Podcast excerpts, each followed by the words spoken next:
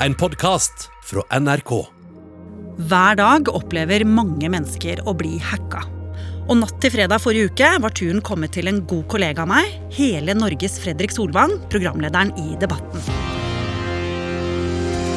sier det med svakt vitenskapelig grunnlag. Ja, men jeg- Jeg snakker med dem i dag. i sted. Jo, Folkehelseinstituttet men, har jo tatt det. Du kan ikke skape usikkerhet om dette. dette. På et blunk ble Fredrik kasta ut i en ubehagelig katt og mus-lek med kyniske hackere som pressa ham for penger. Og han måtte bruke alle triks i boka for å forsøke å få kontrollen tilbake. Men eh, hvordan lot han seg egentlig lure? Og hvem var disse hackerne som presset ham for penger? Og hvordan greide han å ta tilbake kontrollen?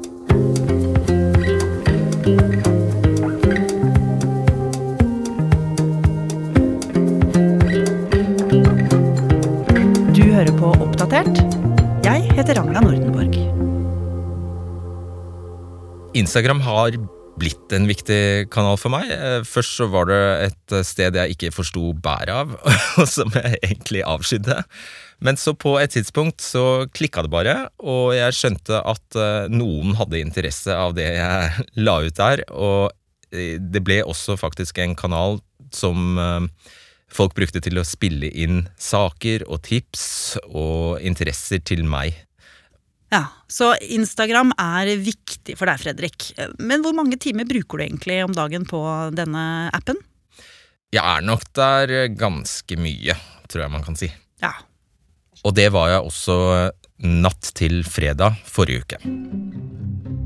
Jeg hadde hatt sending, og etter hvert så legger jeg meg, og da var vel klokka nærmere ett. Og så tar jeg opp telefonen og sjekker Instagram og meldingene der. Og der på meldingsforespørsler ligger det en melding jeg aldri har sett før. Det meldingen sa, var at eh, det var en beskjed fra noe som het Instagram Help Center, eller noe lignende.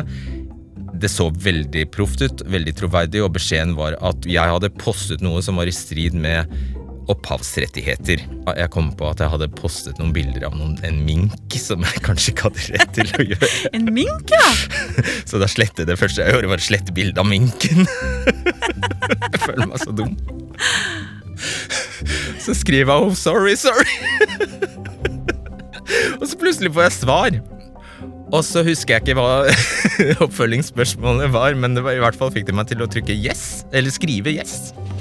Og her har jeg det ikke klart for meg nøyaktig hva som skjedde. Jeg var veldig veldig trøtt, var rett før jeg var i ferd med å sovne. Og så kom det et nytt spørsmål, der de ba meg om å skrive tallet 19. Her er det noe muffens. Det var egentlig da det gikk opp for meg. Hva da? At eh, jeg var i ferd med å bli eh, lurt. Da sa det plutselig pling, noen prøver å logge seg på eh, Instagrammen din. Og pling, noen prøver å logge seg på Facebook. Og pling, noen prøver å logge seg på mail, osv. For det som hadde skjedd i alt kaoset, var jo at du, Fredrik, hadde klart å gi fra deg både brukernavn og passord. Og hackerne var jo nå i ferd med å få kontroll over deg. Hvordan, hvordan hadde du det? Nei, da ble jeg mildt sagt panisk. ja. Så det jeg ser for meg da, er at de i løpet av noen få minutter kan ta over nær sagt hele mitt digitale liv. Og I verste fall også få innpass på jobbkontoen. Og egentlig, ja, rett og slett eh, ødelegge utrolig mye, da. Så det var liksom, det var det jeg så for meg. Og for en person som er så kjent som deg, så ville jo det kunne være veldig uheldig. Man kunne jo fått mange store avisoverskrifter, og privat informasjon om deg ville blitt allment kjent. Hva var det som skjedde videre, Fredrik? Klokka halv to så setter disse hackerne i gang en direktesending. Da er det et mørkt rom, og halve ansiktet til en av hackerne som åpenbart ikke er meg. Det kan alle de 800 som etter hvert rakk å se den direktesendingen, se. De sier noe på Der og da høres det ut som farsi eller tyrkisk.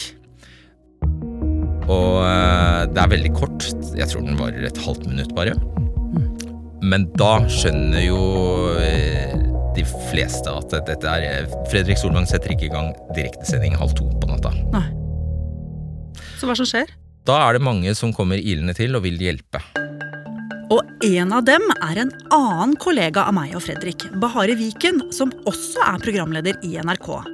Og Bahare satt hjemme i sofaen sin lys våken denne natt til fredag, fordi hun hadde snudd opp ned på døgnet sitt etter å ha dekket USA-valget. Med en gang når jeg skjønte at Fredrik var hacka, så kjente jeg så sykt på den følelsen som Fredrik satt med, med at du aner faktisk ikke hva du skal gjøre, for du kommer ikke i kontakt med de. Og klokka var i tillegg to på natta. Det er ingen som er våkne som kan hjelpe deg. Og du bare har sånn sykt stressnivå og adrenalin og har lyst til å gjøre masse, men du får ikke gjort noen ting. Den følelsen der kjente jeg veldig på selv, fordi jeg opplevde noe av det samme selv eh, for noen år siden. Og da hjalp det meg at en venninne av meg gikk inn på Instagram og kom i kontakt med de, og klarte faktisk å lure til seg passordet. Så jeg tenkte at det er jo det jeg må gjøre for å hjelpe Fredrik. Så jeg skrev til han kan jeg få lov til å sende de en melding. Med en gang jeg får go fra Fredrik, så sender jeg de en melding og kommer i kontakt med de da gjennom Instagrammen til Fredrik, som de sitter på. Jeg truer først med en politianmeldelse, og så får jeg kjapt svar tilbake om at eh, dere får tilbake kontoen hvis dere overfører 800 euro, og dere har én time på dere. Da kicker spionen i meg frem, og jeg føler meg som Jack Bauer, bare at jeg har én time på meg istedenfor 24 timer, og tenker at dette er en mission jeg må klare. Og planen Bahare legger, er å lure hackerne til å tro at hun skal betale dem, sånn at de gir henne passordet. Ganske raskt så sender jeg screenshot av denne samtalen til Fredrik. Og han skriver bare 'shit, hva gjør vi nå?' Så jeg tenker at eh, nå må vi legge en plan. Ok, hva går den ut på? Den første taktikken som faller meg inn, er å begynne å forhandle med de for å få de til å tro at vi skal overføre penger, eh, sånn at eh, jeg kan lure til meg passordet i siste liten. Eh, så jeg begynner å prute. Prute, ja! Altså, du begynner å prute for å komme i dialog med dem, gi et inntrykk av at du er interessert i å betale, for å forsøke å få de til å gi deg passordet. ja, jeg gjorde faktisk det. Så jeg legger inn et skambud på 100 euro. Eh, og så sier han bare sånn Jeg trenger mer, jeg sparer til ny PC. Og jeg tenker sånn, Hæ, ny PC? Det er veldig rart. Hvis du er en så god hacker, så har du vel en av verdens beste PC-er, og jeg ser for meg et stort apparat som sitter og jobber med det her, da, og faktisk tjener penger og lever av det her. Eh, så det stussa jeg veldig over. Men tiden var knapp, og Fredrik og Bahare forsøkte å ringe Facebook, som eier Instagram, men ingen svarte. Og etter hvert så kom det flere gode hjelpere til som forsøkte å ta tilbake kontrollen over Fredriks konto.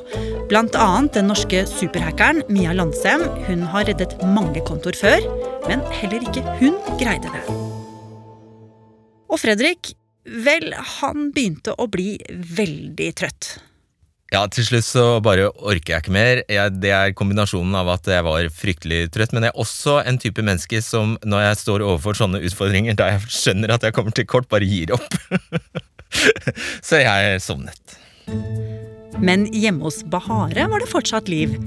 Hun hadde nemlig holdt forhandlingene med hackerne i gang lenge. Men plutselig ble det slutt på tålmodigheten deres.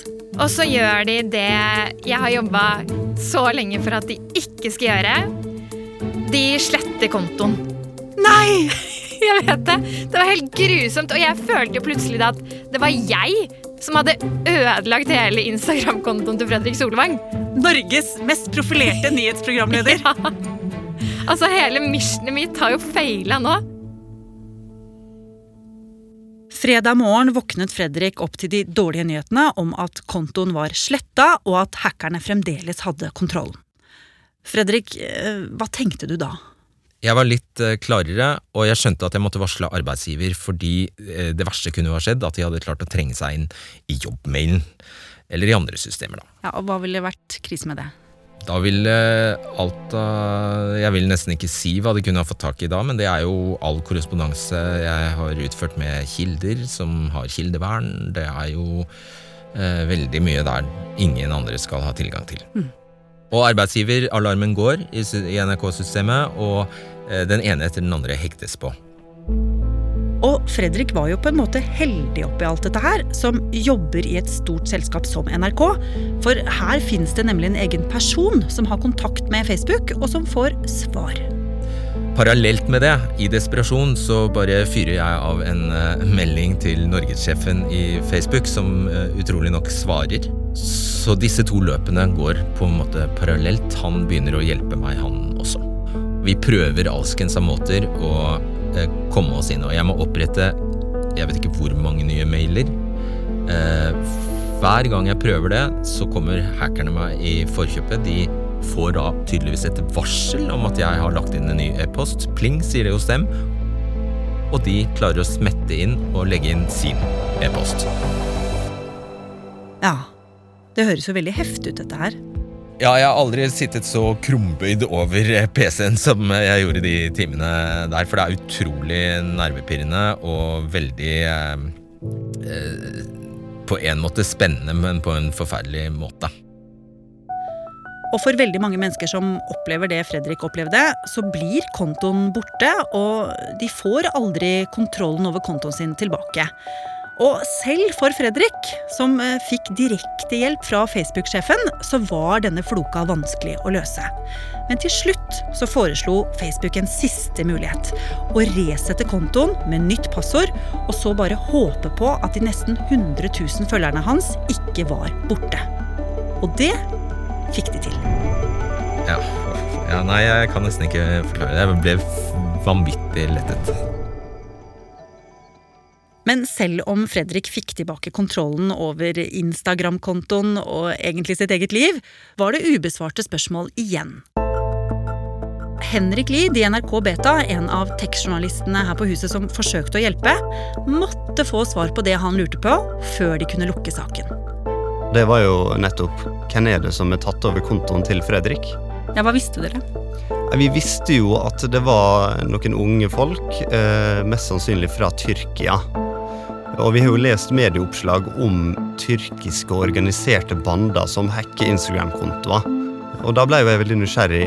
Er det her sant? Er det her en stor greie? Er det et stort organisert kartell i Tyrkia som jobber med å ta over populære Instagram-kontoer og kreve løsepenger for å frigi dem? Så da begynte jeg å gjøre litt research. Og Henrik, du, du fant jo faktisk frem til de du trodde sto bak. Og de innrømma jo at det var dem. Ja, de svarte at det var det vi som sto bak. Så jeg begynte å gå gjennom bilder som de publiserte på, på Instagram-kontoen sin. Eh, og det er jo stort sett gutter i 16-17-18-årsalderen, vil jeg anta, som var på de bildene. Mhm. Hvordan så de ut, de som hadde hacka seg inn på kontoen til Fredrik? Ja, det så egentlig ut som eh, en helt typisk ungdom. eh, Mørkt hår, eh, liker å gå med solbriller, tidsriktig gikk med munnbind for tida. Eh, publiserte ofte bilder fra sånn, amerikanske wrestlingkamper og den slags. Eh, og satt i vinduskarmen og røykte sigaretter mens de hørte på hiphop.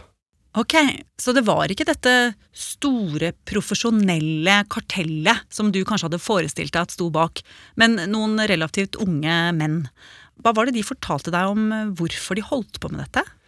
Det de sa, var jo at eh, de var studenter, eh, og at de ikke hadde noe særlig inntekt. At de ikke gjorde det her for å skade noen, men at målet deres var å faktisk ha nok penger til å, til å leve. Eh, De sa også at de har gjort det her i ganske mange år, at de begynte med det allerede i 2014, så for seks år siden. Eh, Og at de ikke huska hvor mange kontoer de hadde hacka. Det var et altfor stort tall. Ja, Jeg fant jo også ei prisliste på en av de involverte sin Instagram-profil. Der skriver han blant annet at det å eh, hacke tyrkiske myndigheter slik at du får ut personinformasjon om en tyrkisk statsborger, det koster 60 kroner. Mens det å ta over en WhatsApp-konto koster 300 kroner. jøss. Dette er i hvert fall helt nytt for meg. Men Henrik, det var jo én ting til du bare måtte komme til bunns i. Det jeg lurte aller mest på, var jo selvfølgelig hvorfor valgte de å hacke Fredrik Solvang. Så jeg stilte jo flere av de involverte her spørsmål om det. Hvorfor valgte dere å angripe Fredrik Solvang? Og da hevder de jo at han hadde snakka nedlatende om Tyrkia i, eh, i nyhetene. Eh, Så jeg spurte jo Fredrik om nettopp det, og han kunne ikke huske noe sant. Litt senere så kom jeg jo da i kontakt med en av de andre i eh, den gruppa her, og han eh, innrømte jo da at de hadde tatt feil.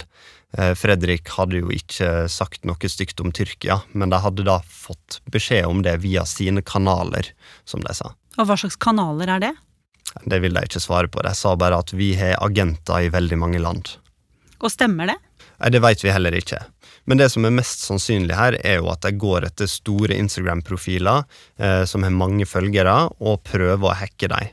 Så de tenker jo da at kanskje det er sannsynlig at vi kan få betaling for å gi tilbake den kontoen.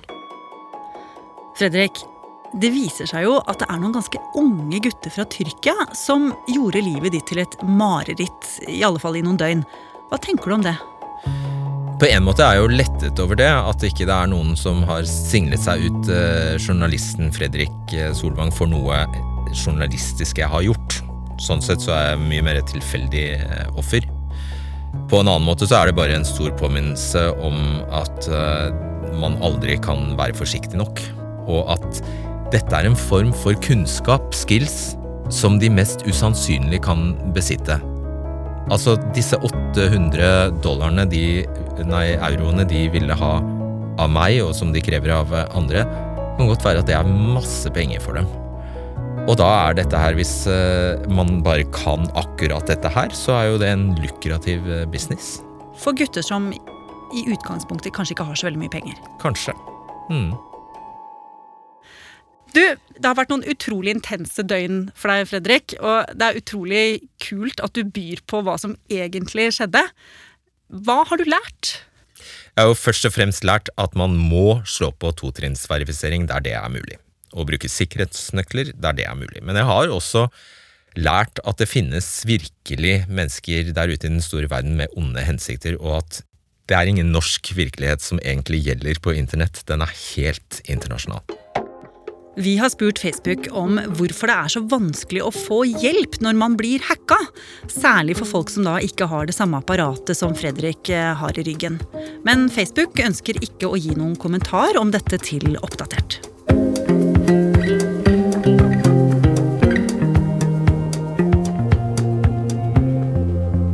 Har du lyst til å bli fast lytter av oss i Oppdatert og få påminnelse om nye episoder, så er det bare å abonnere på oss i NRK radioappen. Og så er det veldig hyggelig hvis du vil anbefale oss til en venn. Oppdatert er en podkast fra NRK Nyheter, og denne episoden er laget av Ida Tune Øretsland, Andreas Berge, Petter Sommer og meg, Ragna Nordenborg. Eva Midthun Leira er redaksjonssjef. Vil du kontakte oss, gjør gjerne det på oppdatert alfakrøll nrk.no. Du har hørt en podkast fra NRK. Hør flere podkaster og din favorittkanal i appen NRK Radio.